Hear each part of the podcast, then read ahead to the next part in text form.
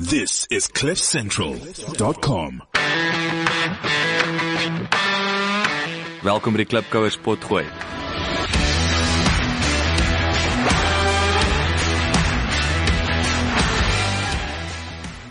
Hallo Klipkouer.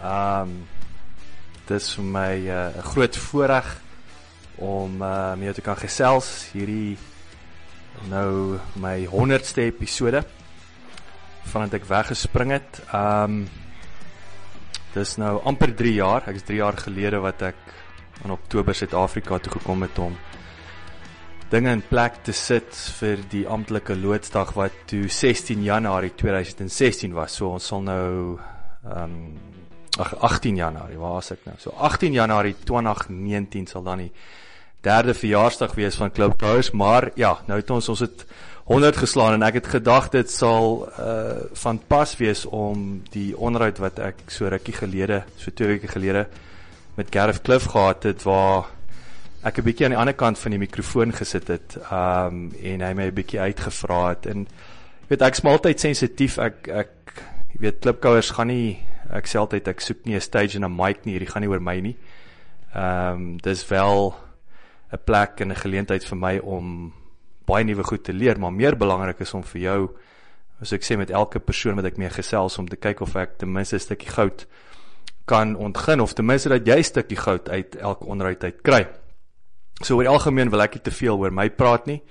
Ehm um, of my agtergrond nie, maar ehm um, ja, jy weet vir die ouens wat getroue luisteraars, ek weet ek is al gesê luister, vertel 'n bietjie jou storie. So ja, hierdie is 'n is 'n geleentheid as jy as jy na daai onderhoud luister, sal jy bietjie meer van my weet, bietjie weet van my agtergrond en so aan, maar ehm um, bietjie my besigheidsfilosofie en hoe ek na dinge kyk.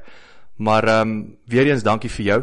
Uh sonder jou sou daar geen rede gewees het om weet elke week 'n uh, episode te loods nie. Verseker nie om 3 jaar weet uh aan die gang te bly nie. Ehm um, so dankie daarvoor.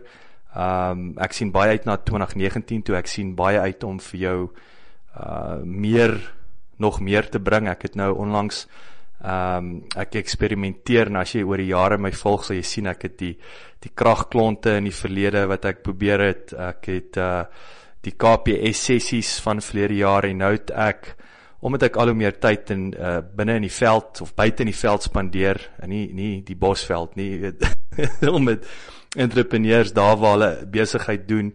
Aan die buitekant het ek besluit om ehm um, en natuurlik maak ons video's ook uh onder andere werk wat ek op kragdag gedoen het vir verseker. En nou verlede week ehm um, vir ons motors natuurlik wat ehm um, een van my borge is en met wie uh ons werk doen aan die digitale media kant. Uh ons kyk ook dieper na hulle hulle verkoopsprosesse en so aan. So dis nie stryd vir dig digitale bemarking, hier is 'n kombinasie van goeders. Um maar waar ek by die Jaguar se se experience of dag was, was 'n bietjie met die nuwe Jags rondgery het en waar ek weer eens die geleentheid gekry het om met klipkouers te gesels en um ek gaan dit doop veld ore. So ons gaan daai audio's vat van daai gesprekke en dit dan vir jou 'n nuwe onderhoud uh uh uh skep en dan ook natuurlik veld o en die veld o is dan die video. So kyk uit vir dit. Dit sal iets nuuts wees wat ek uh gaan in die mix ingooi en uh maar ja, hier is uh my onderhoud met Gareth. Uh soos ek sê, hierdie was deel van Cliff Central. Dit was sy show en ek hoop jy geniet dit en hier staan die volgende 100 episodes. Laat die wiele rol. CliffCentral.com.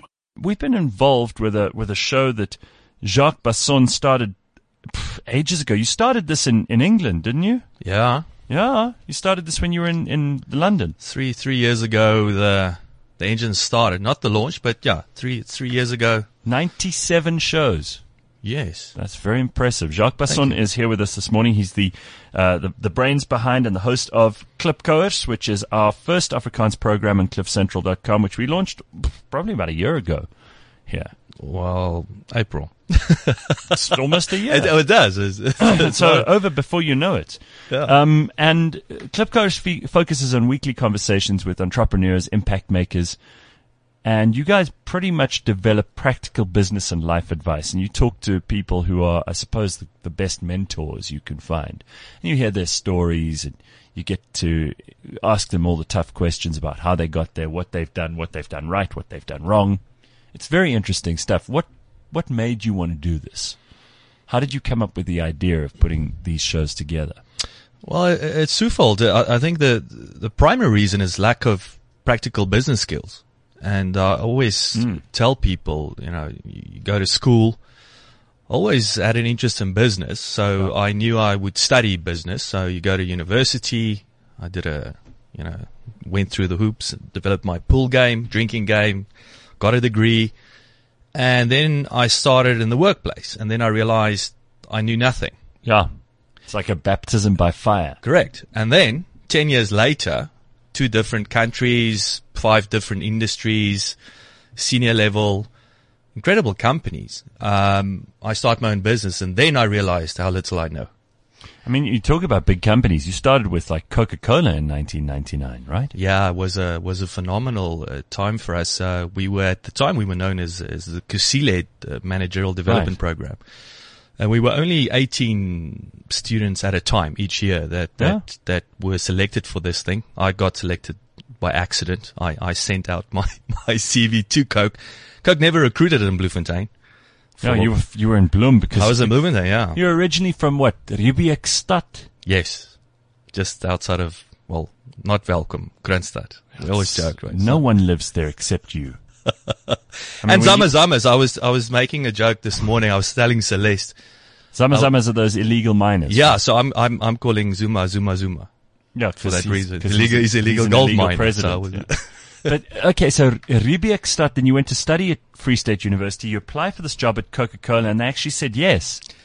Yeah, well, it is. It, it's, I, I sent my CV, but it, again, it was one of those things that, you know, 98, I, I was realistic of, well, at that stage, I mean, ironically, I thought 20 years ago that the odds were against me completely as this Afrikaner, uh, boy in, in, in, in Bloemfontein. And I, I, I made a decision that I will not settle for any job. I will do my very best. I put together this, this CV, which in hindsight, I don't know, is madness, but I, I use photos. I scanned. I remember going to this uh, graphical designer who scanned in photos. I mean, this is a big deal 20 years ago, scanning in. I mean, for a CV, they must For a thought you, CV. you're trying too hard.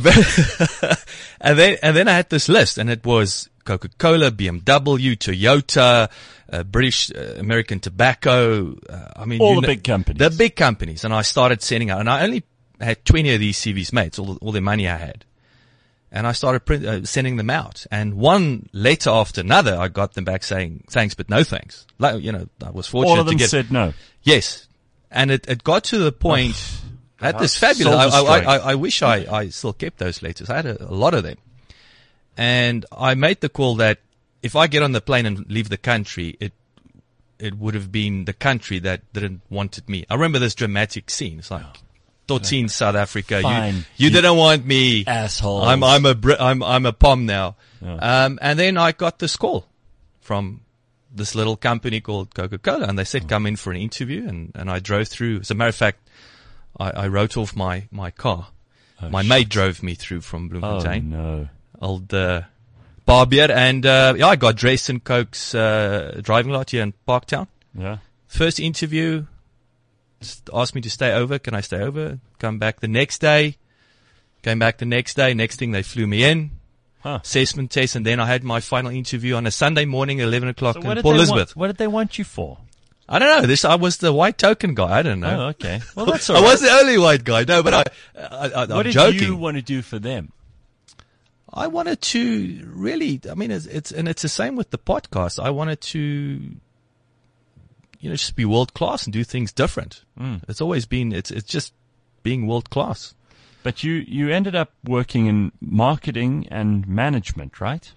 Yeah, it's, I didn't even know sales and marketing existed. I mean, it sounds crazy, but Yeah. when I, I got involved in key account management, so dealing with the Pick n Pay buyers, uh, Shoprite checkers, so I didn't know that side of business existed. I didn't know the whole concept of a buyer.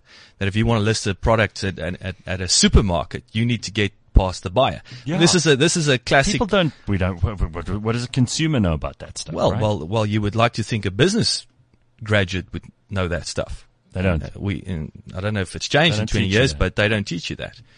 So, but I just discovered this thing, you know, key account management. I loved it. It was working closely with the supermarkets, getting the products in, marketing. At the time, we were a brand new department known as non-carbs. So we launched all the, the non-traditional products, healthy products, Bon Aqua, Minute Maid, Bibo, the kids drink, uh, uh, Powerade form part of that uh, uh, portfolio. Yeah. Play the energy drink, which oh, failed miser- miserably against. Did it? Yeah, it was, you know, they played the price game. And if you look at Red Bulls never played the price game. Um, non-negotiable. Uh, pretty much Coca-Cola philosophy, but you would like to think that with the powerhouse that Coca-Cola is, that you would, now you've got Minute Maid up against So that was a failure. yeah, we we were giving a product away. I mean, I don't know now they they got bigger packaging and all the rest, but Because they're we- still there. still there, still there. But um, yeah, we were we were just discounting the hell out of the product all the time. All right. So then you did decide eventually to go to the UK. So Yes. what what made you make that decision?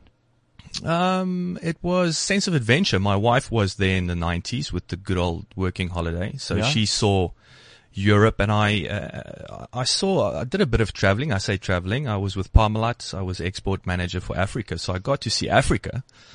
Um, I guess the closest for overseas I got was Mauritius at the time. Yeah. But there was this travel bug. Uh, And again, it's this love of learning and, and, and meeting people and, and, and learning new things. And we decided we got married, first year of marriage, and we said, yeah, let's, let's give it a go. And it, so we left here for adventure's sake.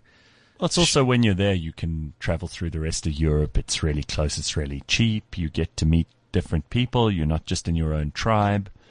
That kind of thing. Absolutely. I mean, the, the, the, the biggest sacrifice, I we'll get there. I mean, f- for us coming back after 14 years, the, I, w- I would say the biggest, one of the biggest sacrifices is cheap and easy travel. Yeah. And, and that privilege to literally jump on a plane, spend 2000 rand return for the family of four and quickly pop into Copenhagen. I mean, it's, it's What just, it's amazing. All right, but what what made you decide then to leave there and come back here permanently? Because you were there for 14 years. You would think that's pretty much what you have to put in if you're going to stay somewhere for life. Uh, Yeah. it's very rare that people will come back after 14 years in a foreign place.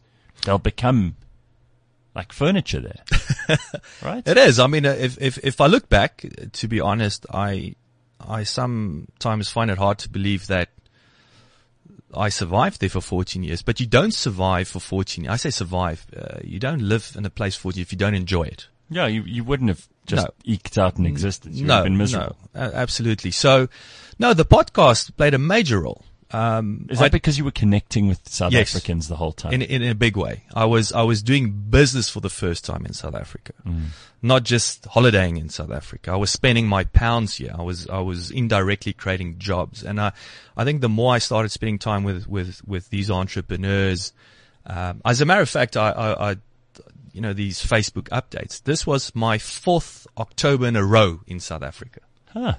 Yeah, fourth October in a row. So I don't know why I'm here always in October, but it, it, you know, four years in a row being here, and I think something just started reigniting. Um, And, and this is obviously a thrust of your of your podcast too, because you you're interested in small businesses, entrepreneurship, the lessons of business. Um, was it also because you saw opportunity here? absolutely. Um, if I, a lot of I, people who live here don't Yeah. see that. Yeah, it's it's a re- if I have to oversimplify our reasons for coming back, uh, I say uh, it's sixty percent it's our country, our culture, our people. Forty percent is business. Well, you've always been a proud Afrikaner. Mm. You're proud of being Afrikaans. You want to put effort into the, the, the history and culture of Afrikaans. And that spirit of, and really Afrikaans people can, can, there's a lot in our history that they can be very proud of in terms of being pioneering, you know, building infrastructure, farming the land. They're things that Afrikaans people do really, really well and should be very proud of. Um, is is that part of what you also think contributes to that Afrikaner spirit of entrepreneurship? Because it's a it's a powerful thing.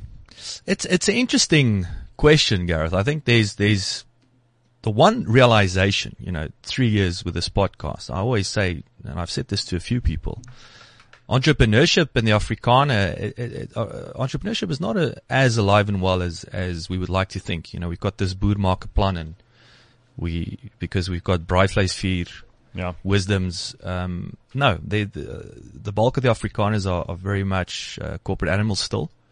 I Um, mean, we- uh, being employed or Correct. employing. people. Correct. So there's still that mindset, that industrial revolution mindset. We need to go and get a degree, um, and then we'll go and get a job. Now, now people know you're not going to get a job, but for some reason they still think it's a good idea to go to Tuks and study business, uh, which I find, uh, you know, But uh, incredible. it- it is true that we don't just need entrepreneurs. We need people who can work in the corporate environment. You need people who can fulfill those those roles and obligations. Not everybody should be an entrepreneur. It would be a disaster. Fact, and and and I always I, I use the term entrepreneur loosely. Uh, when when I say that, for me, it's it's thinking. It's you've got the whole discipline of entrepreneurship and intrapreneurship. Explain. Intrapreneurship is is an employee thinking like an entrepreneur. Okay. It- it is problem solving. It's it's it's that bring your A game, self starter. Right. But you can't start a business, and I agree with you. Everybody cannot start a business, but you can think in a similar way. So there's been this movement, I think, for the last, I don't know, three, four years or so. The whole thing with, and it's typical American. I don't know if Stanford probably came up with it, but the whole thing with entrepreneurship. So I want to, Okay. for me, it's about stimulating both. So where you've got the entrepreneur, that there's the, I guess, the uh, support to to build the next business, to improve the business, or to just have great CEOs and leaders in in in, in their day jobs. Okay, but you you interview people who are indisputably people who have done incredible things in their own businesses in their own lives for their their people, their country, whatever it might be. Um, what are you looking for in those interviews and those discussions? And by the way, if you could download any number of these by going to cliffcentral.com and you'll find Klipkouers and you'll be able to hear these these discussions. I mean, why do you talk to these people? Well, it's it's it's What are you always it's always it's the nugget. I always look for that that little what's that one piece of advice, whether it be how they get up in the morning, uh, what software they're using, what, how do they think? So Do you always find it? yes, Do you know when you found it? yes. Well, I mean, I, it's, it always starts with me. So Okay, it's, so- it's so what kind if of- I get a nugget from it, if I've right. learned something, Sure, I know. course. Then the rest I know, but it starts with me basically. So what kind of stuff? Give me a few examples of things that other people have told you about their lives that you've started incorporating into your own. Well, the, the immediate example that comes up, and that's a trick question, um, Gareth. But a guy that comes to mind, I've actually had him in for a second interview, and I I, I rate him highly. Um, is a, his name is Jaco Gerrits, and Jaco Gerrits has got his uh, main his big uh, product It's like Crash insurance. Detect. Crash Yeah, yeah, Detect. okay. It's the whole thing that sends Yes. out a if you crash in the middle of three o'clock in the morning at Beaufort West, you know, this thing sends out a distress signal and they pick you up because it's people die. I think 12%, you, you mentioned at the time, 12% of deaths are created. Just the guys left by the side of the road. No one knows he, he rolled the car.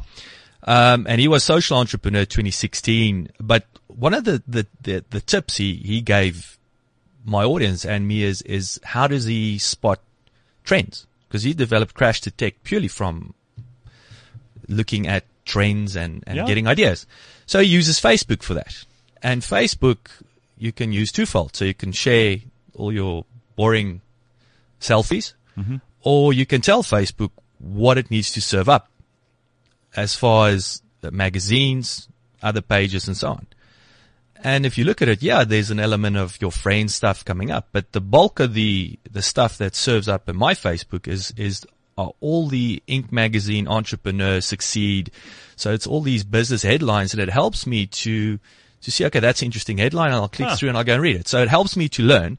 And that was, I I thought was an incredible beaut of Yeah, how to, sure. how to, you know, easily spot and, and keep your, keep and, yourself and then, then you let the you control what the social media feed, feeds you rather than let it control you. Correct. Absolutely. So that, that to me was very powerful and, and simple advice, So which I kind, use. What kind of routines do you have besides checking on Facebook to see what the trends are that that you find have been instructive that you've implemented recently that help you to get things in order to make less stupid decisions um, to, to declutter your life, what do you do? Yeah, it's it's my wife will tell you. I mean, I've got cycles, right? So there's periods where I'm very good at something, and, and then I it's just normal. So Fall off the wagon like everybody. well, it is. So so historically, there, there's been a period where two years uh, uh, where I went at one stage went vegan, and it's not Oh, yeah. because of um, you know because I don't You're challenging yourself. Correct. Okay. And and it was had an incredible impact on on my energy levels. Um, even last year, well, I, I I discovered you know learned more about intermittent fasting. Started playing tennis again after 25 years. Started playing touch rugby again. So. It's, and then I tore my Achilles heel, all, all this activity, because, because you you know, the, it's one thing to feel 20 years old in your, in your mind, the body is different, but, but it's little things like that. So what I'm trying to do, get back into, my wife knows it, because she'll keep me honest. She'll say, don't, don't need vir die but it is journaling again. And it's really, um, it's one of the things that, that, and when I say journaling, it's more the open pages concept of just, just scribbling on a piece of paper to declutter the mind. What do you mean scribbling? It's just write anything that, that comes to mind. It's, Oh. it's a trick that uh, writers use. It's actually a, a, a tip I got on, on Tim Ferriss's show Yeah. uh, a few years back. And you just write for five to ten minutes. about anything. Anything. Anything. And it just gets everything out of your mind. So it's, yeah, there's that and meditation, of course. I- When I say meditation, mindfulness is something that Sure. I, I did very well at one stage. I could sit still uh, for 20 minutes at a time. Now I'm struggling, Oh man. struggling with Oh, that. I, I've tried and I've tried. I, I followed all the the rules, and there's plenty of good stuff on the internet, right? Plenty. Yes. I cannot declutter. Well, I, I can't stop my thoughts from running away with themselves. I wish I could just find a moment of complete peace. I've never been able to do it. I can't get it right. Even So- when I fall asleep at night, there's no peace. So, so what's interesting about why, why the journaling? Because I know it works and I love pen and paper. As much as I, I'm very much paperless in the business. I mm-hmm. hate paper because Yeah. I lose it and I'm un, unorganized. yeah.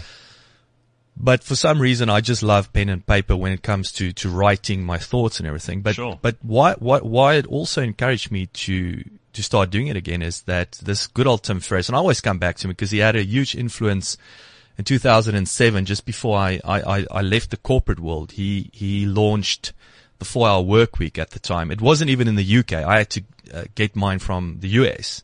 So I started reading the four hour work week in December 2007. And that whole philosophy, especially outsourcing, which is still a very big deal in, in the business and how I do business, influenced me. So I like to, to get a few tips from old Tim every now and then. And one of the things he recently said is the reason he still writes Yeah. before you start typing away. I'm talking about writing. Yes. It helps you, number one, clarify your thoughts, but number two, it helps you become a better communicator. And that to me was like, what? That's interesting. Um, How now, so?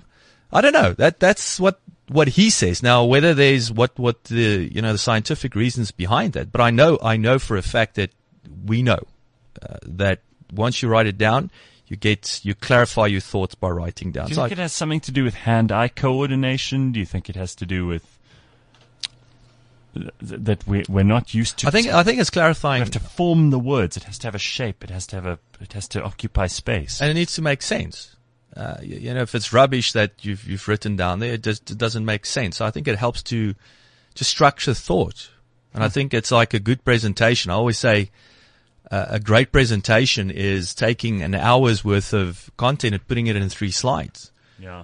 That's it's a hell of a difficult thing. I recently did a, a present. My first time I did a presentation here in South Africa at a at a business event, and it was how the hell do I get forty minute talk into four slides? It, it's very hard, and I think the moment you start writing, it just forces you to streamline your thoughts. And I think once you if you get the thought and the tongue connected properly, you can get your message across effectively um, without being lost in translation or whatever. Okay, so Klipkouers is is now on to almost hundred episodes, and I would imagine that there's there's some kind of golden thread here, even if you didn't start it with that intention. Um, do you think it's it's these business lessons, is these golden nuggets? Do you think it's hearing people's stories? I mean, what what is it that you reckon your audience keep coming back for? Again, it's a very it's a it's a great question. Um, I'll answer with with an example. So when, when I started one of the podcasts, and again, the reason I started the podcast because I was a podcast listener. So for me, that was the go-to medium, the medium of the future. It was a no-brainer.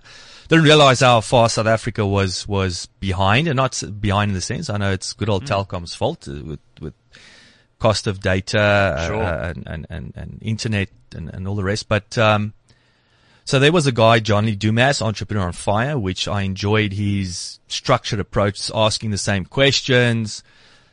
It gives the, the, the podcast interview, uh, uh, you know, uh, framework and, and, and, and, and time. And so I decided I'm going to ask the same questions. So not the same question as John Lee Dumas, my own questions, but so I can make sure I extract that practical information. But most important, we can quantify the data. So we can take that information and we, we can, we can repackage. So if everyone, we can look at what, what's the biggest mistake everybody's made. So we can say, Hey, let's say it's the, the, the first hundred episodes, hundred entrepreneurs talk about their biggest business mistake. Now it becomes powerful and it's, you can zoom in. But then when I joined you guys, and, and, and I remember at the time it was it was like an accident. Um, Yeah, you came in here and I said, yeah, let's do this. And you Let- said, okay, let's do it. And then it just happened. it happened, and but it was we said okay, what what how long do I have? And and I remember Greg still saying your, your station. He said, yeah, twenty two minutes is the sweet spot for a podcast. So we're going to give you this thirty minute slot. I said okay, thirty, great. And the next thing they said, no, you've got an hour slot. I said, and I said, what do you do with the rest? No, we'll play music. And I said, no, we're not going to play music. Fill it up. I'm going to fill it up. So what changed? And this was interesting. It went from this 30 minute max, very structured mm. Interview to a story. And to something more conversational. Absolutely. Right. And, but I can't emphasize that story. It's the people. So now I can, I can spend the first 30 minutes talking about this person's story. What got them to this point? Yeah. And in the process still extract, e- extract the, the practical tips. But it was interesting what, what happened after that. So I don't know. It's a combination of the, the, like the, the. Gareth Cliff brand. It's, Well- it's, it's this free flow. It's an hour. It's, it's fascinating. I, I, Who, who are the guests who you've most enjoyed having and who are the guests that the audience has most enjoyed hearing? Um, it's difficult. It's it's very much balanced. Uh, I think there's there's always you know big names will ju- jump out. You, you've got interesting characters like um, old Bouwer Bosch was was interesting for various reasons. I think he's very multi-talented, but again, he's got Absolutely. this side business. Just I just I think they just won an award for this making uh, do something to attract her. Which they did. As a matter of fact, it's, it's, it's, it's him. It's his production company for, for, for King Price. Um, yes, like it's always, it's, I'm trying to think now. There, there's so many people. Who would you like to have that you haven't had yet? Would you really love? Okay, so here's I'm going to take a stab here. So the the one guy that that I've got lined up, and I've actually uh, had him lined up for a year now, but then you know things happened, uh, and we know was, was Naas Botha, and Yeah. and and Naas is is is you know I've been a Blue Bulls fan since I've been 12 years since 12, the age of 12. So I'm a real Blue Bulls fan. I must have gone really well for you in Bloemfontein. It's uh, I was I was yeah that's remember I, I grew up in Welkom learned to fight there so I I wonder. there is only there are to three things. defend the Blue Bulls There are three things in Welkom. Correct me if I'm wrong. There are circles, yes churches, yes and fights. absolutely and crash cars on the on the on the center of the circle because they couldn't make the turn. the four things. but um, so Naas. Naas was is because people forget he's a very successful entrepreneur. Yes. people forget that they just see her as a TV pundit. So for In me, fact, in some ways, didn't he set the standard for so many other rugby players who came after him who went, what do I do with my career after it's over? so Really, they did. Most of them just ended up in old age homes. No, they did. free. But uh, I always all the, the fringe benefits of an old Springbok. But it's yeah, I I think he's got a fascinating story to tell. So Naas is there. Uh, um, the guy I approached very very early on, and I'm not sure at the time. You know, it was in the, a few months, and I appreciate it if you've got a big brand and, and you're involved in business. Um, you have to be careful. So who's the Jacques Basson guy with Klipkouers and he's got Yeah. five episodes, but it was Francois Pienaar. And, and again, it's because of the, you know, the history. Uh, how rugby made business, that rugby being involved with rugby going professional. I think is a fascinating story once again. And what was Maybe always I'm, was too busy doing Pringles ads. I think he was. Um, but but I know- always look for a connection. I started school in Witbank, so it's always nice for me. It's nice for me to have that. Hey, this guy grew up in so Welcome. what's this your guy, connection with him? Witbank. Oh, is he also from there? He's from Witbank. wow. Yeah. I think he started playing. Two of you escaped, huh? We escaped Witbank. I don't know what it's called now.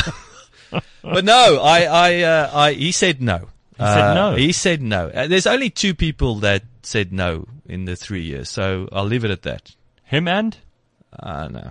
you don't, the other one you don't care about. I don't care about, no. Right. Okay. Well, I don't fuck, care. well, fuck him.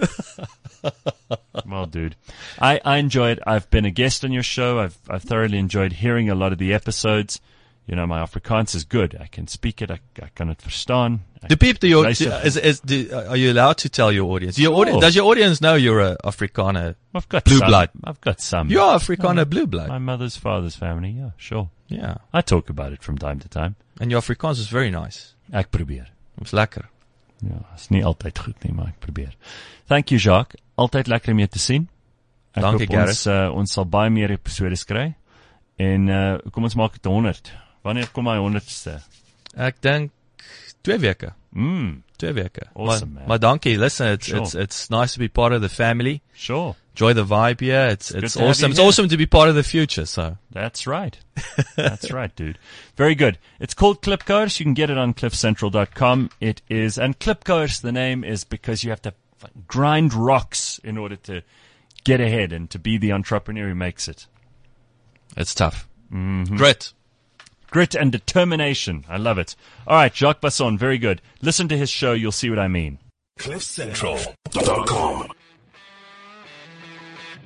Baie dankie dat jy geluister het. Vir 'n opsomming en notas van die episode, gaan asseblief na ons webwerf www.klipkouers.com en teken sommer in terwyl jy daar is, dan kan ons jou gereeld op hoogte hou. Baie dankie.